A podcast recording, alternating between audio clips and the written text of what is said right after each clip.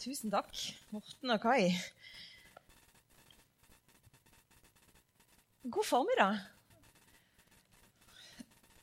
Mitt navn er altså Ellen Merete. Hvis ikke du har vært her før, så er det meg som er ansatt i denne menigheten som pastor. Og i dag så er det eh, Det er faktisk min siste gudstjeneste før sommeren, fordi at jeg skal reise hjem til Sørlandet. Så før jeg på en måte kommer meg inn i talen, så har jeg lyst til å si til alle god sommer. ja. ja, kan være vi drikker noe kaffe i håp etterpå, men jeg tenkte nå må jeg iallfall få sagt det. Um, og så har jeg lyst til å si til menigheten Frimisjonen tusen takk for et veldig fint år. For meg så har det vært så godt å komme hit, og jeg har opplevd Jeg sa det i går, hadde vi en liten samling med styre og stab. Altså mitt Selv om dere har én årstid mindre her, det oppdaga jeg jo når, når, april og mai kom, eh, så har jeg opplevd en sånn varme med å være i Tromsø og være her i menighet. Det er en gjestfrihet og godhet som eh, jeg er glad for å ha opplevd, og som gjør at jeg gleder meg til høsten allerede. Så um, det er ikke talen. Det var en personlig hilsen fra meg. Jeg skal snakke om Nå glemte jeg den der klikkeren. Den glemmer jeg stadig vekk. Enten så glemmer jeg å ta den med, eller så glemmer jeg å trykke på den. Så nå får vi se. Um, raushet. Takk skal du ha. Det er liksom temaet som er satt for talen. Um, og for, altså Forrige søndag så var det konfirmasjonsgudstjeneste, og da, de fikk liksom en egen tale. Eh, og noen, eh, noen her, som er her, var, var, der da. Men det er egentlig å ta opp tråden fra Steinar sin tale for eh, noen uker siden. Vi snakket om det at vi trenger Kanskje vi skal satse på en liten miniserie på to ganger før, før sommeren. Og da landa vi på temaet raushet. Og han snakka så glitrende. Og jeg har bare lyst til å anbefale den talen på det varmeste. Han ligger på podkast. Hvis du går inn på Frimisjonen han snakker så utrolig fint om dette med å gi. Og det er ganske tøft gjort å stå og snakke om penger, for det er jo altså Da, da går du inn i det, i litt ømme punktet hos oss av og til. Men det syns jeg var så fint å lytte til. Jeg vil anbefale den talen. Og så skal jeg prøve å få sagt noe vettugt om raushet i dag. Kanskje fra en annen vinkel, men likevel.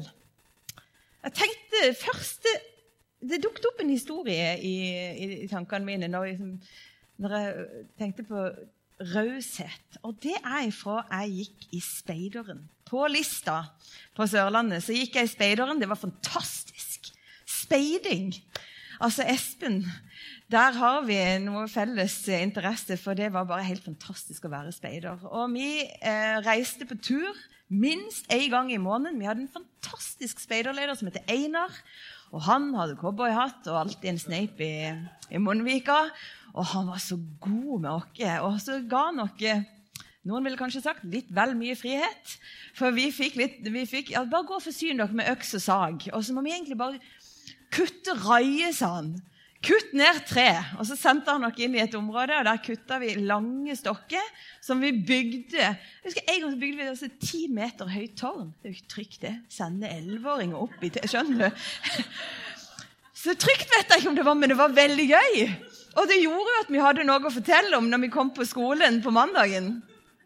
Det var kjempegøy å være speider. Og jeg tenker jo at alle trenger å få kutta noe sagd og strevd med tre i gang iblant. Og liksom få noe å bryte seg mot. Og det gjorde vi. Og så er det bare det at en dag etter at Einar har vært speiderleder i mange år Jeg lurer på om han var i 16 år i strekk. Så går det opp for ham at vi har kutta tre. Vi hadde et eget område hvor vi hadde ei speiderhytte og hadde masse skog rundt der. Og så begynner han å se på kartet på hva vi egentlig eier som menighet. Og så går det opp for han at der hvor vi har kutta veldig mye tre, der eier ikke vi. Og vi har ikke bare kutta tre der dette året. Vi har kutta tre og sagd og hogd og bråkt i mange år. Skjønner du? På månedlig basis. Og Einar skjønner jo bare at det er bare én ting å gjøre. Jeg må oppsøke denne mannen. Og Han bodde ikke så langt ifra speiderhytta. Og Einar, Einar var en høy mann. Og, og, for så vidt ikke en som er så, så puslete å møte på, men han, da, da, gikk han liksom med litt sparsommelige skritt og banker på døra. Og så banker han på, og så møter han Jeg husker faktisk ikke navnet, det er forferdelig, det skal jeg oppdatere meg på. Men så møter han denne mannen og sier hei. Mitt navn er Einar Ellingsen. Jeg er speiderleder. Ja, jeg må bare si at jeg har gjort en forferdelig oppdagelse. Det er at vi har i mange år har vi kutta tre og sagd og forsynt dere av det som er på ditt område. Da kommer responsen fra denne mannen som er gått opp i årene, og så ser han på Einar og så sier han, Ja, men det vet jeg jo. Ja, men det vet jeg jo. Men jeg tenkte jo at dere trengte jo de raiene.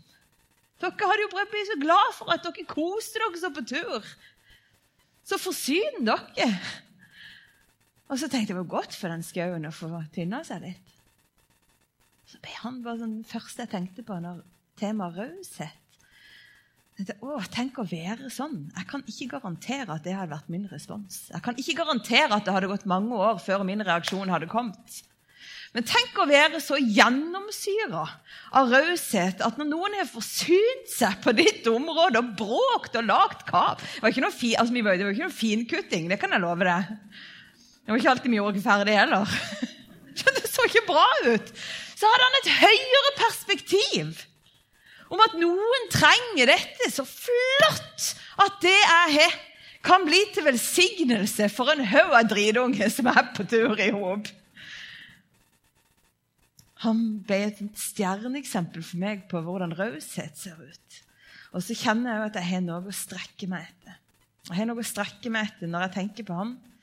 Og når jeg, Steinar talte, og du talte fordi at du er så troverdig, og fordi at jeg vet at du lever ut det du snakker om, så kjenner jeg at jeg blir utfordra på ordentlig.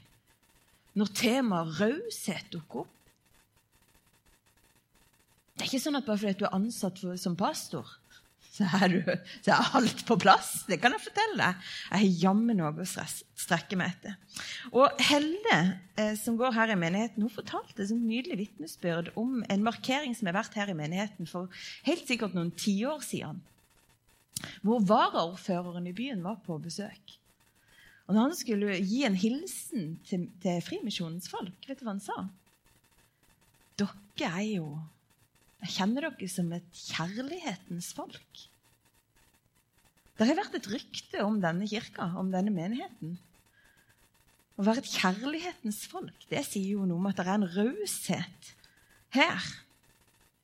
Og så har jeg lyst til å angripe litt av hvordan kan vi fortsette å fylle oss med raushet? Hvordan kan vi bli og fortsette å være et raust folk, et kjærlighetens folk? Og Vi skal tilbake til samme stedet som, som eh, Steinar eh, slapp, holdt jeg på å si, eller var, var i hvert fall der, med vår menighets bibelhistorie om Sakkeus.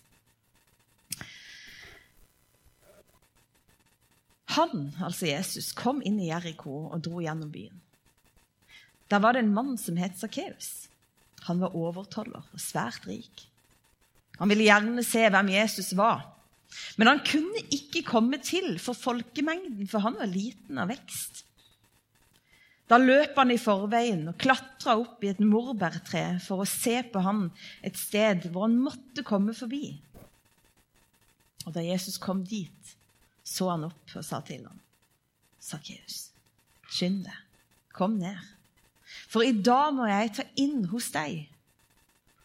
Han skyndte seg da ned og tok imot han med glede.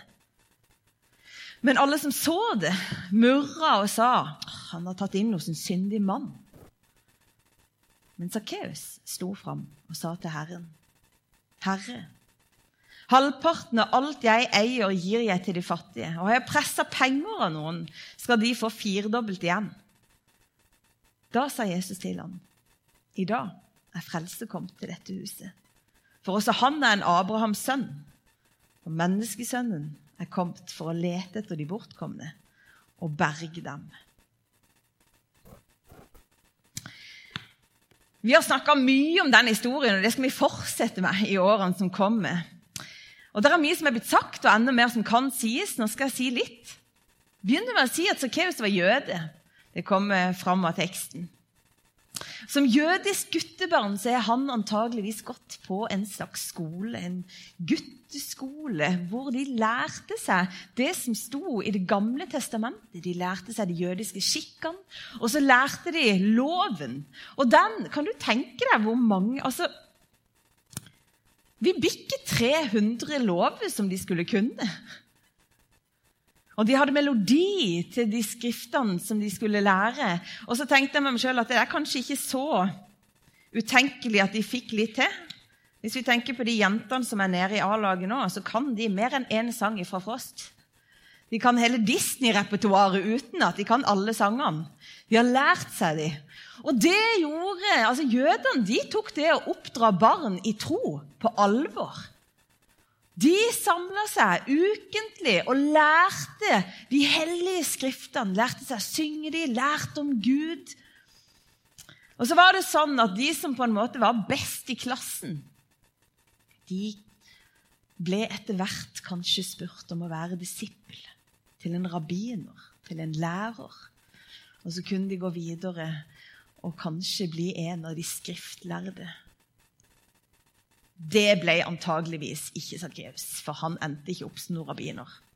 Han var eh, kanskje ikke den som var best i klassen.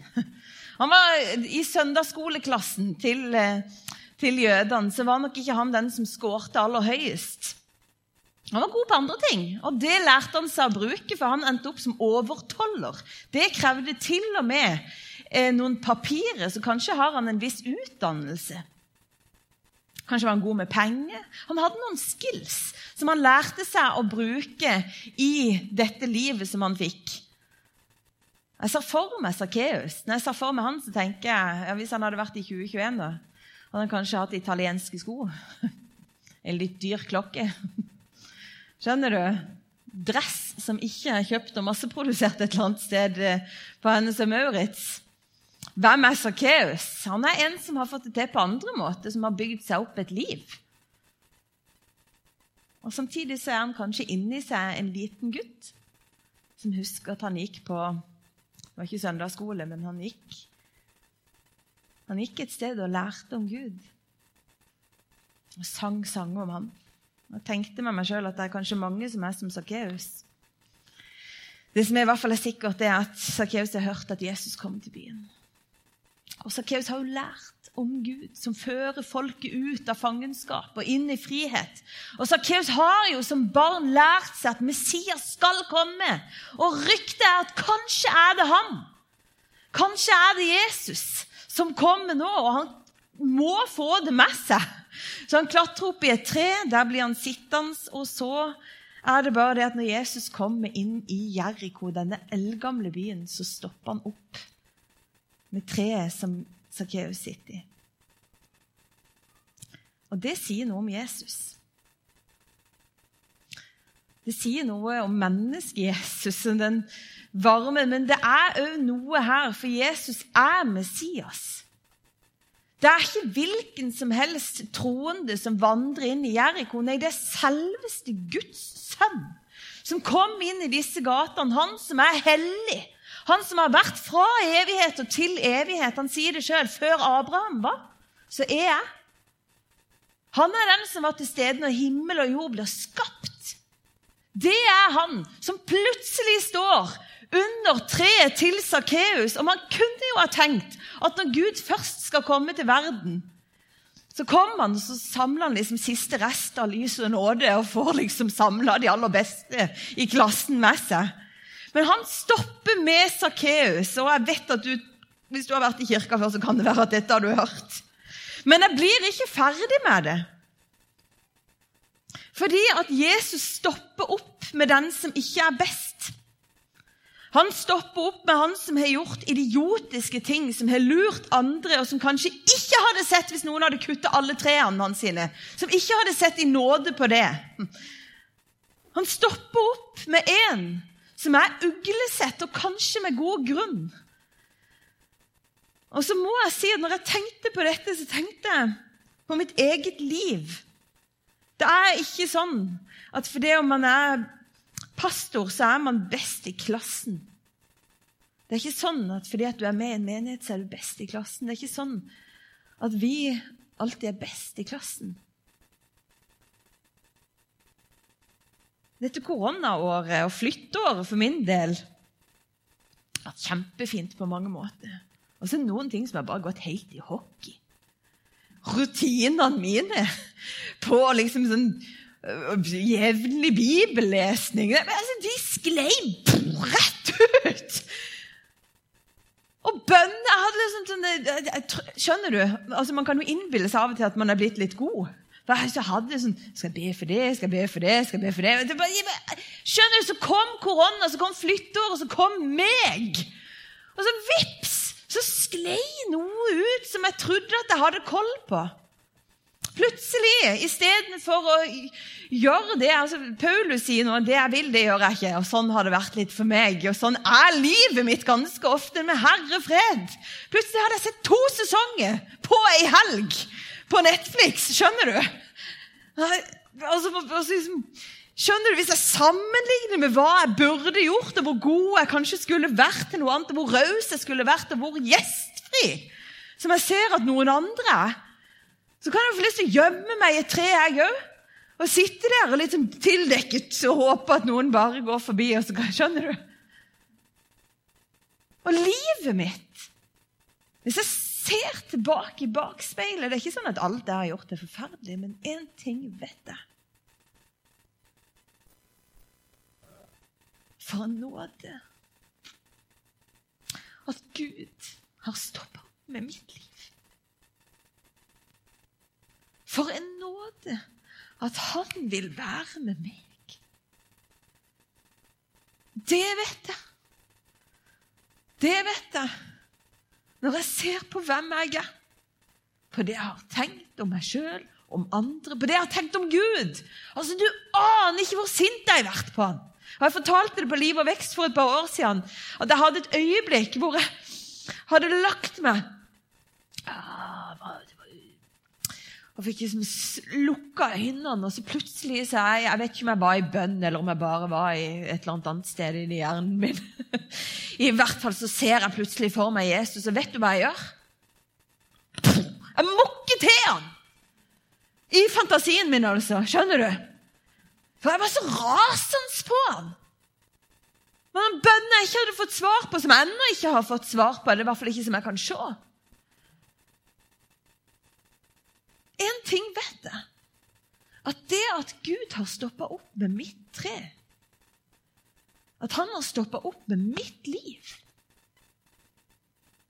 Det er nåde. Han viser meg en raushet som er så vakker. Den samme rausheten som han har for Sakkeus når han ikke peker på han og sier 'du der', som har lurt folk som jeg er glad i. Han stopper ikke opp med Sakkeus og sier, 'Du der som slutta å lese Bibelen for 20 år siden.' 'Du der som ikke har bedt.' 'Du der som har snakka dårlig, og som har vært streng med andre.' Han sier ikke det. Han sier, 'Hei, du.' Kom ned. Jeg vil være med deg. Jeg vil spise med deg. Og den nåden den rausheten Tenk, der står den høyeste Gud. Der står han som er helt rein. Han kunne jo ha krevd noe. Og så har han den godheten og rausheten. Altså, jeg vet at du sikkert har hørt det før, men jeg kommer ikke over det. Tenk at han stopper opp med oss. Og jeg har satt to punkter her du som har kjent på, og som kjenner på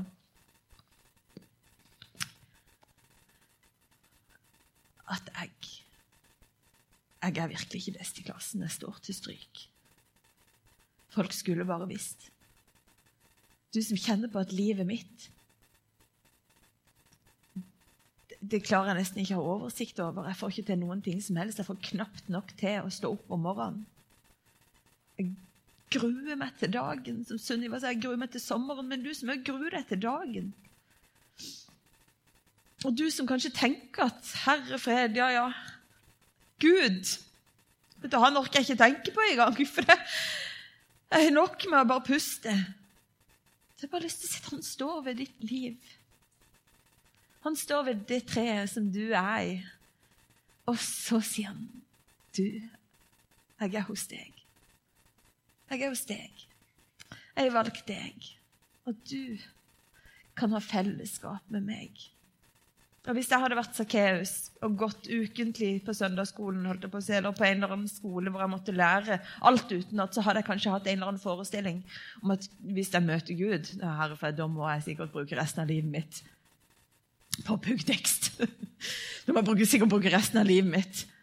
Tenk for en lettelse det er for han når han møter Gud. Så det han egentlig må gjøre, det er å hoppe ned fra sin høye hest. For det er egentlig det han gjør. Og han hopper ned fra sitt skjulested. Og så får han lov til å gå hjem til sitt eget liv. Og så får han lov til å bare være seg sjøl. Der hvor han er kjent. Og så får han lov til å ha lave skuldre og spise mat. Der møter Gud oss. Og det er en hilsen til deg. Og så tenkte jeg på du som tenker. Hvis du er her og tenker ja, bra poeng. Dette har jeg hørt mange ganger. Jeg har prøvd å si det til mange.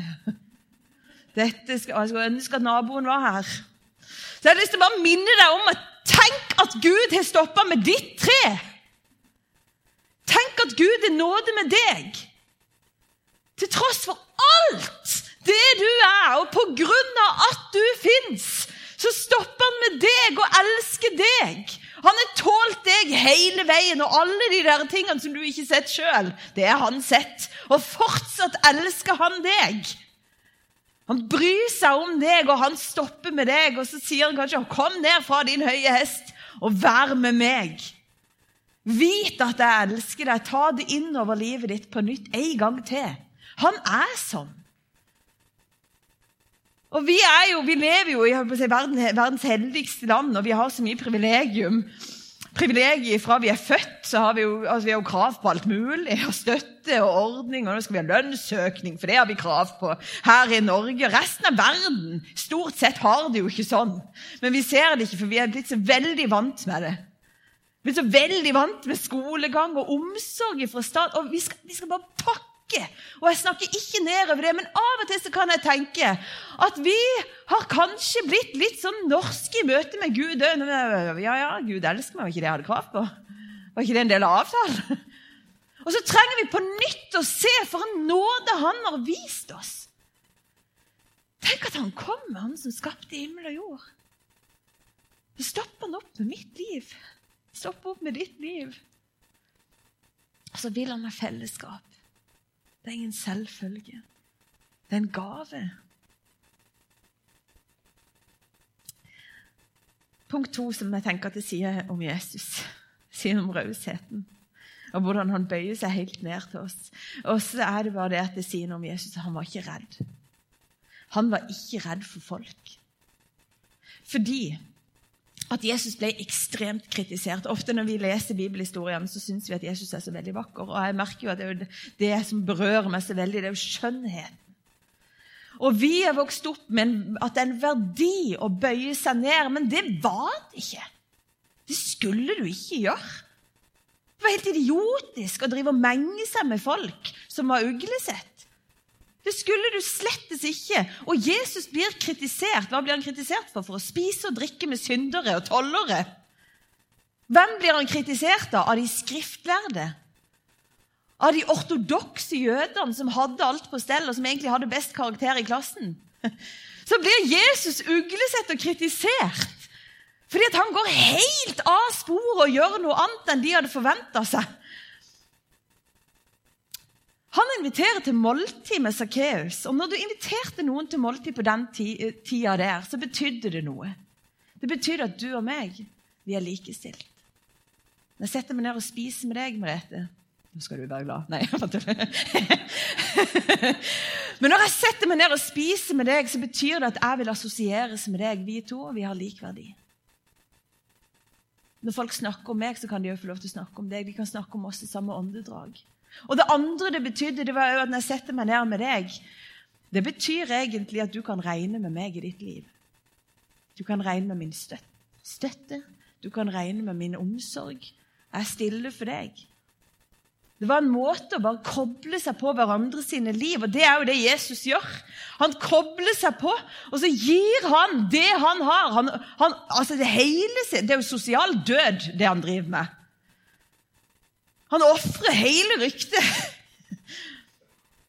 Og så bare gir han av sitt gode kammer, rundhånda, av sin omsorg og nåde hva er det som gjør at Jesus lever i denne rausheten? Jeg tenkte på det at Raushet handler om å gi av det gode vi har. Og vi kan gi forskjellige ting. Vi kan gi nåde, tilgivelse, vi kan gi materielle gaver, tid, omsorg. Det er et uttrykk for at vi har, vi har noe Nei, unnskyld. Når vi er rause, så har vi liksom sett noe. Vi har det der perspektivet som er større. For vi har sett noe som er verdt å gi noe inn i. Og Når vi er rause, så tenker jeg at det betyr at da trosser jeg frykten for å miste noe. Hvis jeg rundhånda gir altså Han her med alle i trærne han var jo ikke redd for at den skogen skulle gå tom for stokker. Og Kanskje hadde han tenkt at om de gjør det, så har jeg noe annet i livet mitt. Jeg har jo nok. Det holder. Jeg har jo nok å gi. Hvis jeg skal gi raust av penger, som Steinar snakker om, så må det være en eller annen Da kan jo ikke jeg drive og bære på frykt. Sant? Det er ikke det jeg sier. Av og til så må vi ta noen steg i tro. Det er ikke det jeg snakker om. Men jeg tror at hva er grunnen til at Jesus er så raus? Det tror jeg fordi at Jesus vet hvem han er. Og Det kan høres veldig paradoksalt ut, men, for han er jo Gud. Men Jesus vet hvem han er. Han er der som Guds sønn. Og når Jesus er i dette fellesskapet, så vet han at jeg er Guds sønn. Jeg er elska av Faderen. Derfor kan jeg gi så mye kjærlighet som bare det. For jeg får så mye kjærlighet som bare det. Jeg vet hvem jeg er, derfor har jeg nok å gi. Jeg er trygg. Jeg trenger ikke bekreftelsen fra alle disse andre folkene. De trenger ikke gi meg stjerne i boka eller høye karakterer. Nei, for jeg vet hvilken verdi jeg har. Jeg elsker den høyeste Gud. Han er gått god for meg. Han spiser jeg måltid sammen med. Han har sagt at vi er likestilt. Jeg hører til hos han. Jeg hører til i evigheten. Fra evigheten kommer det en kjærlighet i mitt liv som gjør at jeg har nok å gi. Sånn tror jeg det er med Jesus. Og han vet òg at i meg bor Den hellige ånd. Kildeveldet, som det står i Det gamle testamentet, der hvor vannet aldri svikter. Der hvor det ikke slutter å renne ut. Stadig nytt liv. Han vet hvem som bor i han.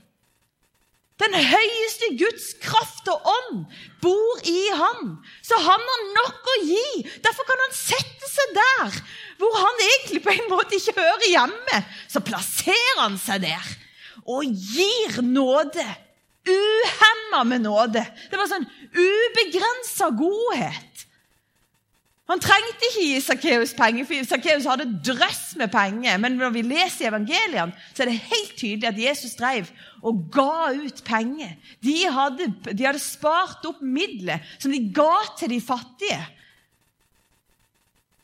Å leve et sånt raust liv, det tror jeg at Jesus gjorde, for han visste hvem han var. Og her er det et kjempestort poeng. Fordi at når vi vet hvem vi er, da skjer det noe her. Når jeg vet at min, mitt liv er ikke opprettholdt av at jeg er ansatt hele tida i Frimisjonen for, altså Jeg sier ikke at det er ubetydelig. Jeg bare sier at det er ikke det som opprettholder mitt liv. At jeg er ansatt. Det er ikke det at noen et eller annet plass har gitt meg noen vitnemål som, som, jeg skal være veldig stolt av. Jeg er virkelig ikke stolt av alle mine vitnemål. det kan jeg bare fortelle deg. Det er ikke det som opprettholder min verdi, og som gjør at jeg har noe Skjønner du? Å gi. Det er ikke det at jeg har alle de riktige vennene eller fått det til, eller at leiligheten min den ser ikke ut som noen bohuskatalog. Det er ikke der Det er ikke det som opp, han som opprettholder mitt liv, det er han som opprettholder alt liv. Den levende Gud. Og når jeg lar han få lov til å bare fortelle meg hvem jeg er, da skjer det noe. Jeg tror at det er det som skjer når Jesus og Sakkeus sitter ned og snakker sammen. Når de deler måltid. For det er en forvandling ifra å være en egoist Ifra å være en som snyter andre folk for penger, ifra å være en som har plassert seg sosialt og forretningsmessig, så blir plutselig Sakkeus om til noe annet. Han er plutselig en som sier Nå gir jeg halve formuen min! Nå skal de fattige få det. Hvem av oss Altså, vi, kan, vi, skal ha Jesus som forbilde, men vi kan jo kikke litt på Sakkeus her som har latt seg sjøl bli så berørt av Jesus. Og som, har, som viser en sånn takknemlighet fordi at han ser at den høyeste Gud har stoppa ved hans i tre. Han stoler på det som bor i ham. Hvis Gud er for meg, hvem er da imot meg? Nå gir jeg halvparten av formuen min. Vær så god! Alle fattige kommer for. Jeg vet ikke hvordan det skjedde, men han ga. Jeg kjenner på det. Nå kommer feriepengene. Fytti 50% Jeg hadde litt planer for de pengene. Skal jeg firedoble tilbake for alle jeg har lurt? Det sier Sakkeus. Noe har skjedd med Sakkeus. Da forvandla han. Han som var selvopptatt. Han som kanskje hadde en strenghet i seg, som bare kara til seg for at livet hans sitt skulle bli Plutselig er han blitt en del av kjærlighetsfolket. Fordi at Gud har fått lov til å møte ham og prege ham. Og han har sett hvem han egentlig er. Han har sett at jeg er elska av Faderen. Jeg er møtt av Sønnen som har gitt meg tilgivelse. Og Ånden, dette kildevellet, som bare alltid går og går, og som renner fritt ifra himmelen, det er lagt inn ikke sikkert det var sånn han tenkte, men det kan vi. For vi har med troen på Jesus Kristus fått Den hellige ånd. Hør, vi kommer fra evighet til evighet. Her lever vi. Her er våre liv. Det strømmer fra evighetens Gud til våre liv. Og jeg tror at Når vi ser det, da har vi noe å gi. Da tenker vi Forsyn deg Forsyn deg av mine trær. Forsyn deg! Da er det noe som skjer. Og jeg tenkte det at noen ganger nå er det ikke lenge igjen, så skal jeg avslutte det lover det er bare et minutt eller to. Men jeg har liksom kikka opp i denne boka her, hvor jeg har skrevet opp, opp igjennom hva Gud har gjort i livet mitt. Det er så mange mennesker som har velsigna meg. Fordi at de har fått denne rausheten plassert. Jeg skal stoppe der, og så skal jeg be en bønn. Og så tenker jeg at vi skal prøve å være bare innenfor Gud. Du vet hva du trenger. Og se ham på nytt. Jesus, det ber jeg deg om at du skal vise oss hva det betyr at du er i våre liv.